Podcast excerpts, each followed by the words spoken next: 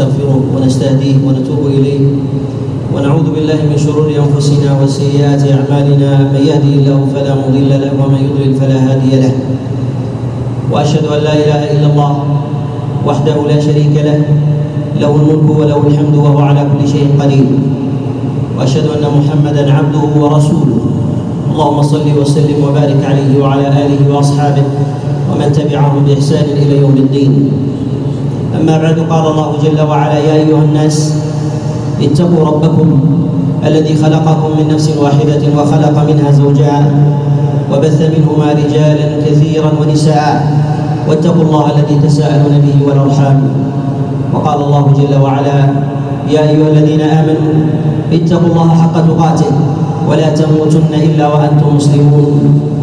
أمر الله عز وجل بتقواه في كتابه العظيم وخص وعم جميع انواع أنواع المكلفين. وإن كانوا من الأنبياء والأولياء والأصفياء فضلا عن من كان دونهم من عامه من عامة المكلفين والناس. وذلك لأن الله جل وعلا إنما خلق الخلق لذلك وجعل لهم غاية. وجعل لي وجعل للغاية أجلا معدودا لكل واحد منهم. لا يستقدمون ساعة ولا يستأخرون. إن الله سبحانه وتعالى حينما خلق الخلق وضع الموازين بالقسط لأعمالهم ووضع الموازين بالقسط لشريعتهم فيعبدون الله جل وعلا على بصيرة.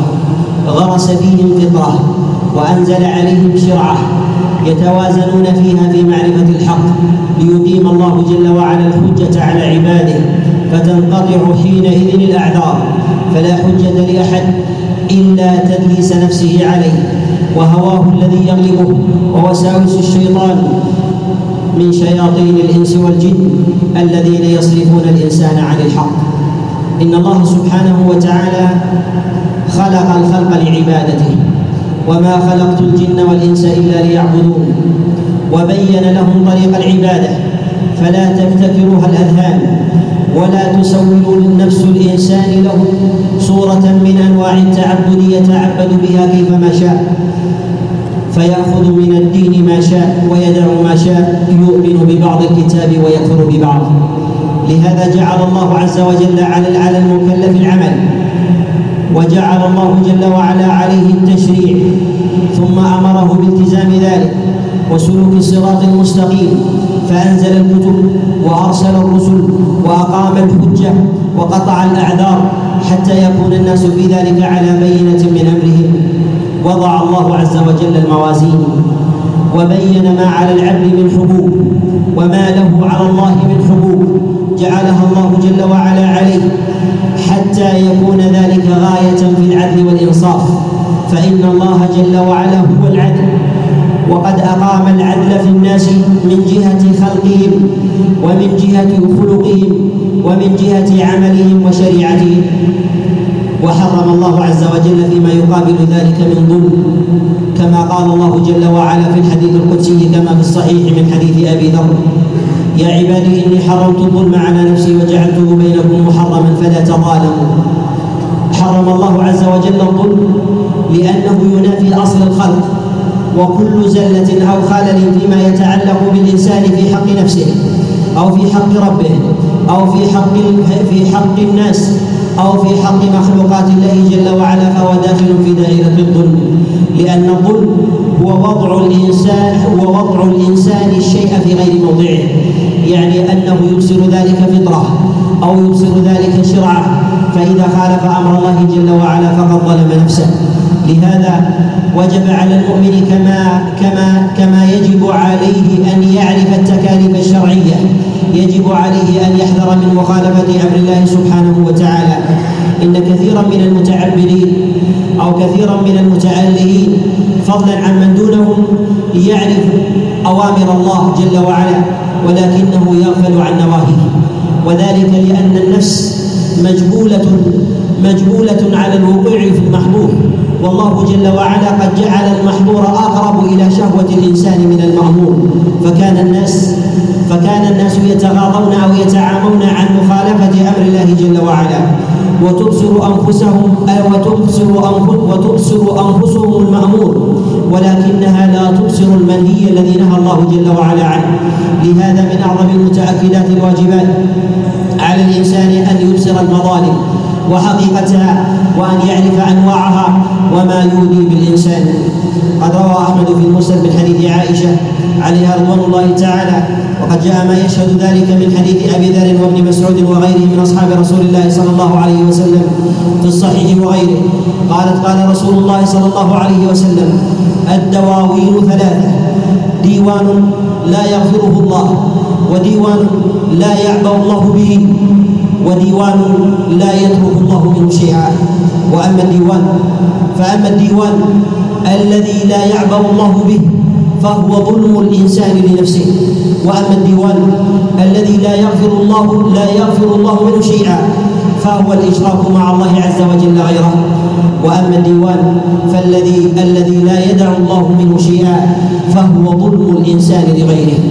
إن من أخطر المظالم التي يقع فيها الناس بعد الإشراك بالله جل وعلا هو أن يتعدى الإنسان على حق غيره فإن ذلك من أعظم نزوات النفس وهواها وذلك لأن النفس قد جبلت على الطمع والتكثر والجشع وغلب وغلبتها وغلبتها نفسها على الاستكثار من ذلك. من أمر الدنيا من متاعها من مال ولذة وشهوة فالإنسان يحب الاستكثار ولو كان ولو كان من حظ غيره. لهذا عظم أمر المظالم المتعلقة بأمر الناس. إن أعظم المظالم على الإطلاق هو أن يخالف الإنسان أمر الله جل وعلا الذي خلقه لأجله وجعل فطرته دالة عليه وهو توحيد الله سبحانه وتعالى. فإذا خالف أمر الله جل وعلا كان قد وقع في أعظم الظلم وشره وهو الذي لا يغفره الله جل وعلا لعباده. وقد نسب الله جل وعلا ذلك الظلم للإنسان بنفسه. والله لا يرسل عقوبة على أمة من الأمم فيهلكها بعامة إلا وقد استوعبت ذلك الظلم وتعدت من ظلم نفسها إلى ظلم غيرها إلى ظلم إلى الظلم المتعلق بحق الله جل وعلا. ولهذا يقول الله جل وعلا في كتابه العظيم إن الله لا يغفر أن يشرك به ويغفر ما دون ذلك لمن يشاء. ويقول النبي صلى الله عليه وسلم في أحاديث كثيرة مبينا أن الله جل وعلا لا يدخل الجنة من أشرك معه شيئا وقد تواترت الأحاديث واستفاضت في ذلك. استفاضة كان محل إجماع محل إجماع وقطع عند سائر المذاهب الإسلامية. فإذا عرف الإنسان حق ربه وما أوجب الله جل وعلا عليه يجب عليه أن يعلم ما أوجب الله سبحانه وتعالى عليه فإن السماوات والأرض أقامها الله بالعدل وجعل عقدا بينه وبين عباده وهو, وهو الأمانة التي التي كتبها على عباده وأقرها عليهم يوم خلقهم حينما أخرجهم من ذرية أبيهم آدم وأقرهم على ذلك وهي الأمانة التي عرضها الله جل وعلا على السماوات والأرض والجبال فأبين أن يحملنها وأشفقن منها أشفقن منها وذلك لعظمتها وعظمة السؤال عليها فحملها الإنسان. إنه كان ظلوما جهولا. ومن تلك الأمانة ما يتعلق بالعهود والمواثيق ومسألة الحقوق التي يكون بها انتظام أمر الناس ويقوم بها العدل الذي قامت به به السماوات والأرض وذلك تقر به الفطر وسائر الشرائع. ولذلك قالت اليهود لبعض أصحاب رسول الله صلى الله عليه وسلم لما بعثهم جابيا قالوا بالعدل قامت السماوات والأرض لما عرضوا عليه الرشوة فأبى أن يأخذها لأنهم يدركون أن الله جل وعلا لا يمكن لأمة ظالمة. قد بغت وطغت وتجبرت وكفرت بأنعم الله. وتسلط القوي على الضعيف وتسلط الناس على بعضهم. فأخذوا حق بعض من غير أن ينتصر الضعيف لنفسه أو أن يجد قويا ينتصر له أو أن يجد قويا ينتصر له من القوي الذي أخذ حقه. فإذا انتشرت المظالم حلت العقوبة. إن مما يغفل عنه كثير من الناس ويظنون أنه يدخل تحت دائرة المكفرات التي يكفر الله جل وعلا بها ذنوب عباده ما يتعلق بالمظالم التي تكون بين الناس. إما أن تكون بين حاكم ومحكوم وإما أن تكون بين المحكومين فيما بينهم على اختلاف درجاتهم بين قوي وضعيف أو بين قوي وقوي أو ضعيف وضعيف على اختلاف أنواعهم فإنها مظالم لا بد فيها من الوفاء. إن الله جل وعلا قد جعل مكفرات يكفر بها الذنوب التي تتعلق بحقه واعظمها ما يتعلق بالإشراك بالله جل وعلا غيره. فإن الله يكفره لصاحبه بالاستغفار والتوبة والإنابة وتوحيد الله جل وعلا وجعل أيضا للإنسان مكفرات يكفر بها الذنوب التي يقترفها في حق الله من تقصير الإنسان في أوامر الله المحضة المتعلقة بحق الله وذلك بتفريط الإنسان بالواجبات والوقوع في المحرمات الخالصة بينه وبين الله. جعل الله عز وجل لذلك مكفرات. منها التوبة والإنابة ومنها ما يتعلق بالسيئات التي تكفر الحسنات. كما قال الله جل وعلا إن الحسنات يذهبن السيئات. وقال النبي صلى الله عليه وسلم وأتبع السيئة الحسنة تمحوها. فجعل النبي صلى الله عليه وسلم الحسنات تكفر السيئات. كذلك ما يلحق الإنسان ما يلحق الإنسان في هذه الدنيا من هم وحزن. ومن مصائب فإن الله عز وجل يكفر بها المظالم التي تكون بينه وبين الله ولا علاقة للبشر فيها. ولهذا بين رسول الله صلى الله عليه وسلم في مواضع عديدة ما يكفر ما يكفر تلك المظالم حتى بالهم ويروى في الخبر ويروى في الأثر أن من الذنوب ما لا, ما, ما لا يكفره إلا الهم. يعني يمحو الله عز وجل عن عبده خطايا بهم يلحقه. ولا يدري ما ما سبب ذلك الهم إلا أن الله عز وجل قد جذبه إليه حتى يكفر الله جل وعلا من سيئات ذلك العبد وأما ما يتعلق بالمظالم وهو الديوان الذي لا يدع الله جل وعلا منه شيئا فهو ما يتعلق بحقوق الآدميين وهي المظالم التي إن انتشرت وفشت في الأمة أنزل الله عز وجل عليها عقابا من عنده لأن مقتضى عدل الله استقامة الحياة. فإن الله عز وجل قد فإن الله جل وعلا قد يعفو ويغفر فلا ينزل عقابه على أمة ظالمة ضغت وتجبرت وعاندت فيما يتعلق بحق الله. ولكن الله جل وعلا لا يعفو لأمة قد انتشر فيها الظلم فيأخذ العامة بذنب الخاصة إذا لم يكن في الأمة مصلحون. ولهذا يقول النبي صلى الله عليه وسلم مبينا أمر المظالم وخطرها في الدنيا على الإنسان وخطرها كذلك في الآخرة. كما جاء في الصحيح من حديث أبي هريرة أن رسول الله صلى الله عليه وسلم قال ما تعدون المفلس فيكم قال المفلس فينا من لا دينار له ولا متاع.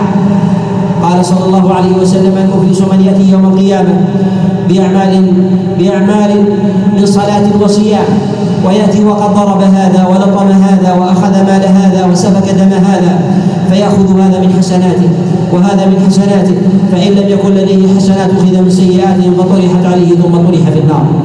إن الله سبحانه وتعالى عدل ومقتضى عدله أن الحقوق لا بد فيها من الوفاء. إن لم يتم الوفاء بحاكم الأرض وعدله فإن الله عز وجل يقضي بها بين العباد يوم القيامة. لا ينقص أحدا مثقال ذرة إلا وقد استوفى قبل أن يدخل الجنة وقبل أن يدخل النار. وهذا هو وهذا هو تمام العدل. لهذا حذر رسول الله صلى الله عليه وسلم من هذا النوع من المظالم حتى لا يتوهم بعض الناس أن حقوق البشر والآدميين تدخل تحت دائرة المكفرات الأخرى بالاستغفار والتوبة أو أن الله يكفر بها عن عبده بالمصائب والهموم أو بالحسنات التي تلحق السيئات فيعفو الله جل وعلا. وكم يظن بعض المتعبدين أو بعض العامة من الصالحين أنه إن استكثر من الاستغفار أو استكثر من العمل الصالح أن الله جل وعلا يمحو عنه مظالم العباد. فإن الله عز وجل قد قضى أنه لا بد فيها من القصاص في الدنيا أو لا بد فيها من القصاص في الآخرة وهذا أمر ربما يغيب عن بعض عن بعض المتعلمين أو بعض الأولياء الصالحين كما غاب عن بعض أصحاب رسول الله صلى الله عليه وسلم. قد روى أحمد في المسند وهو في البخاري معلق من حديث جابر بن عبد الله قال بلغني أن بعض أصحاب رسول الله صلى الله عليه وسلم يحدث حديثا عن رسول الله في القصاص فاشتريت بعيرا.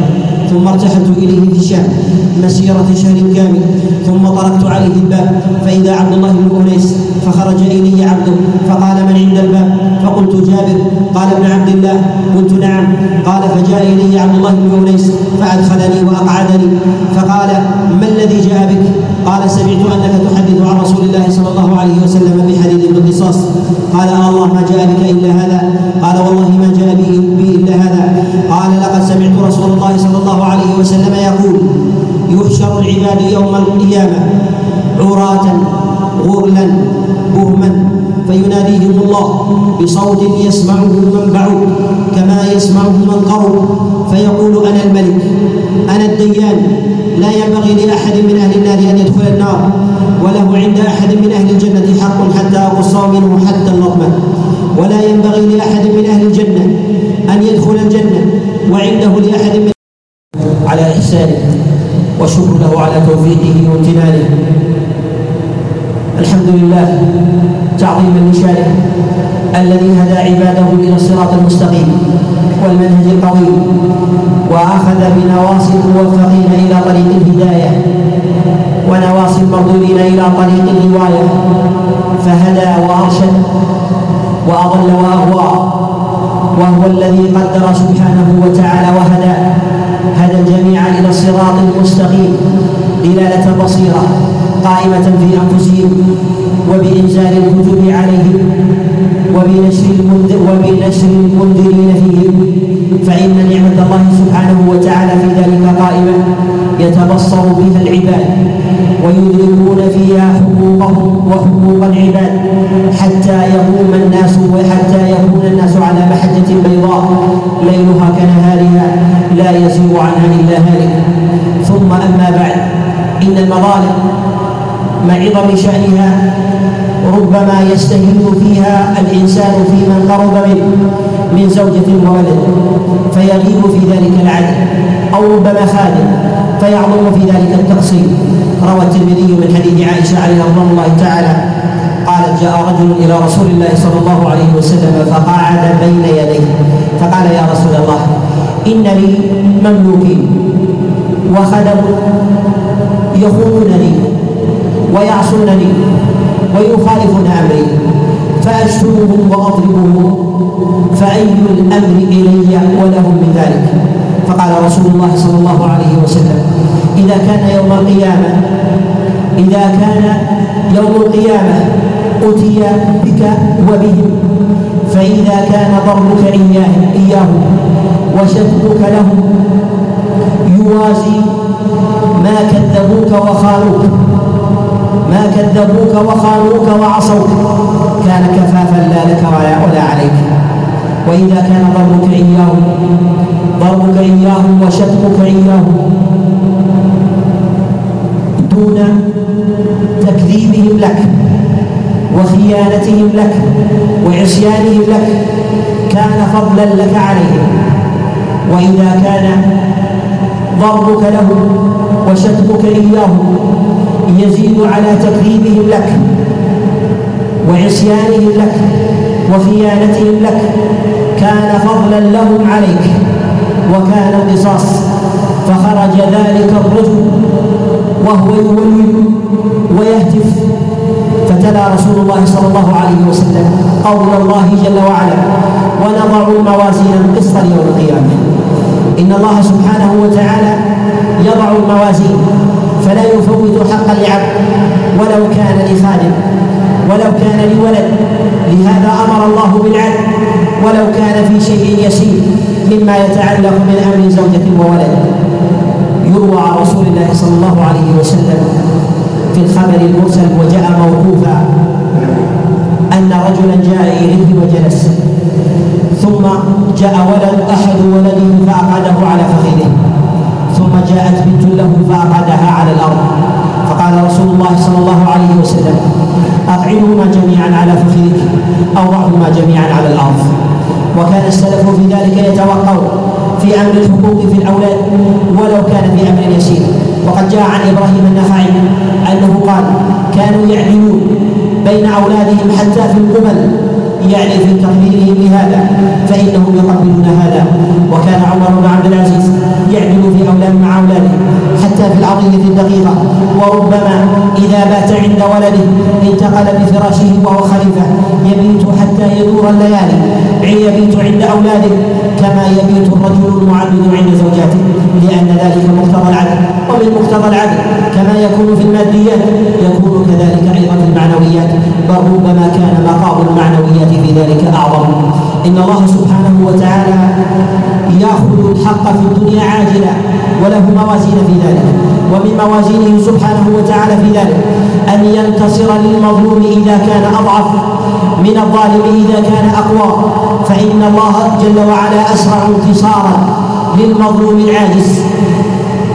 من القوي المتجبر لهذا ليتقي الإنسان دعوة المظلوم ولو كان في حق ضعيف أو في حق ضعيف دقيق. ولو كان كافرا. لهذا يقول رسول الله صلى الله عليه وسلم كما جاء في حديث أنس بن مالك اتقوا دعوة المظلوم ولو كان ولو كان كافرا. وجاء رسول الله صلى الله عليه وسلم في مواضع عديدة. متواترة عنه أن دعوة المظلوم مستجابة وهي مما يعجل من أمر الدعاء. لهذا وجب على الأمة أن تدرك خطورة المظالم في أمر الأموال وامر الحقوق والعدل فيما بينها. وكلما عظمت المظالم في أمر الأمة كان الانتصار من الله جل وعلا لذلك أعظم. والله سبحانه وتعالى يزيل الأمم ويبيد الدول ويهلكها وينزل عليها العقوبات إذا انتشر فيها الظلم. وإن من أعظم موازين العدل أن يتجرأ الضعيف المظلوم على حقه فينتصر لحقه. ولهذا يقول رسول الله صلى الله عليه وسلم لا قدست أمة لا قدست أمة لا يأخذ الضعيف حقه من القول غير متعتع. يعني وهو غير متركب جدير بمطلبه وبيان حقه وأخذ إنصافه. ممن ظلم كان صغيرا في ذلك أو كبيرا. وهذا وهذا جاء رسول الله صلى الله عليه وسلم في طلب القصاص أن يكون من نفسه وهو النبي وسيد ولد آدم عليه الصلاة والسلام. فإذا كان هذا في مقامه فإنه في مقام غيره من باب أولى. واكد وآكد. لهذا وجب على المصلحين أن يقوموا بأمر الله في دفع المظالم. فإن دفع المظالم التي تكون بين العباد فإن دفع المظالم التي تكون بين العباد وكذلك أيضا فيما يكون من حق الله فيها دفع لعقوبة الله جل وعلا وتأجيلها فإن الله يأخذ العام بذنب الخاصة وذلك أن الخاصة ربما كانت مظالمها أكثر انتشارا في الأمة قد جاء رسول الله صلى الله عليه وسلم كما في الصحيح من حديث كما جاء كما جاء في البخاري وغيره قال رسول الله صلى الله عليه وسلم مثل القائم على حدود الله والواقع فيها كمثل قوم في سفينة استهموا فكان بعضهم في أعلاها وبعضهم في أدناها. فقال الذين في أدناها فقال الذين فقام الذين في أدناها فاخترقوا السفينة واستقوا ماء فيأتون على الذين في أعلاها فيقول فيأتون على الذين في أعلاها فيقولون إنا لم نضركم بشيء. فإن أخذوا على أيديهم نجوا ونجوا جميعا. وإن تركوه هلكوا وهلكوا جميعا. فواجب المصلحين الإصلاح والأمر بالمعروف والنهي عن المنكر. فإن الله لا يهلك أمة ما قام فيها مصلحون وإذا ضعف المصلحون وعظم الظلم ولم يكن في ذلك دافع من إصلاح فإن الله عز وجل يعم العقوبة على الجميع على الصالحين وعلى الظالمين جميعا. وقد حذر الله سبحانه وتعالى من ذلك وبين عقوبته للأمم السابقة وأنها ما كانت إلا بظلمهم بظلمهم وإن من أعظم الظلم كتمان أمر الله جل وعلا عن بيانه في الناس وبيان حقه وشرعته وهو أعظم العدل وذلك يدفع أعظم الظلم ولهذا يقول الله جل وعلا ومن أظلم ممن افترى على الله كذبا أولئك يعرضون على ربهم ويقول الأشهاد هؤلاء الذين كذبوا على ربهم ألا لعنة الله على الظالمين سماهم الله جل وعلا ظالمين لأنهم افتروا على الله كذبا والكذب يظهر ويتجلى في أمرين. الأمر الأول في مخالفة أمر الله بالافتراء عليه بتحليل ما حرم الله أو تحريم ما أحل الله أو خلق الحقوق. وقلب الموازين فإن ذلك من أعظم المظالم التي تتعلق بحق الله جل وعلا وإن كانت تتعلق بحق الآدميين. ويظهر كذلك أيضا في كتمان حق الله جل وعلا عند قيام موجبه فإذا اختلطت الأمور واشتبهت على الناس وجب على العلماء أن يبينوا الحق وأن يظهروه وأن يتجلى ظاهرا بينا فبمقدار ظهور الباطل وكتمان الحق يقع في ذلك العقوبة وحينئذ يدخل أولئك تحت دائرة الذين افتروا على الله جل وعلا كذبا. ولهذا سمى الله سبحانه وتعالى كتمان حقه وكتمان وحيه ظلما وقرنه الله جل وعلا أيضا بقتل بقتل الأنبياء. إن الذين يكتمون ما انزل إن الذين إن الذين يكتمون ما أنزل الله. من بعد ما بيناه للناس في الكتاب أولئك يلعنهم الله ويلعنهم اللاعنون. إن الله سبحانه وتعالى جعل لعنته على الذين يكتمون ما أنزل الله حينما كان ظاهرا. بينا يتلى في كتابه وفي سنة رسوله صلى الله عليه وسلم. إن الإصلاح إذا وجد في الأمة دفع العقوبة وإذا لم يوجد فبمقدار ضعفه وقوة الظلم يكون بينها ويتخلى ذلك العقاب. لهذا وجب على المصلحين أن يقوموا بأمر الله وأن يظهروا الحق خاصة عند ظهور الباطل. وخاصة عند كتمان عند كتمان القائمين بأمر الله وتقصيره فإن فإن الأجر في ذلك عظيم والثواب من الله الجزيل وإن العاقبة في ذلك عظيمة وإن كانت التبعة في الدنيا في ذلك عظيمة فالثواب عند الله عز وجل أعظم فإن الله سبحانه وتعالى لا يظلم الناس شيئا ولكن الناس أنفسهم يظلمون. أسأل الله جل وعلا أن يجعلنا من أهل العدل والقيام بالقسط وأن يدفع عنا الظلم بجميع اللهم اعز الإسلام والمسلمين واذل الشرك والمشركين واحمي حوزه الدين. اللهم قيض لهذه الأمة أمرا رشدا يعز فيه أهل الطاعة ويذل فيه أهل المعصية ويؤمر فيه بالمعروف وينهى فيه عن المنكر يا سميع الدعاء. اللهم إنا نسألك توفيقا من عندك تهدي به قلوبنا وتصلح به جوارحنا. وتسلك بنا منهج نبيك الصراط المستقيم وتعيذنا من السبل البدع والشبهات والشهوات وأن تقينا منها من صغيرها وكبيرها. اللهم اجعل القرآن قائدنا وسائقنا. اللهم اجعله حجة لنا لا علينا. اللهم أصلح لنا وأصلح بنا. واجعلنا من القائمين بأمرك. العادلين به القائمين بالقسط المنصفين في أنفسهم ولغيرهم المنصفين لأنفسهم ولغيرهم. اللهم لا تجعل من نياتنا نصيبا لأحد من خلقك اللهم لا تجعل من نياتنا نصيبا لأحد من خلقك وأقم قلوبنا وجوارحنا على مرضاتك واعذنا من سخطك وعقوبتك. اللهم إله الحق. اللهم إله الحق. اللهم اله الحق وانصر عبادك الموحدين في كل مكان. اللهم انصر عبادك الموحدين في كل مكان. اللهم ادفع الظلم عن المظلومين. اللهم ادفع الظلم عن المظلومين. وعجل عقوبتك على الظالمين الطاغين المستبدين. اللهم أقم العدل اللهم أقم العدل. واحفظ القائمين بالعدل. اللهم انصر من نصر الدين والحق. اللهم انصر من نصر الدين والحق.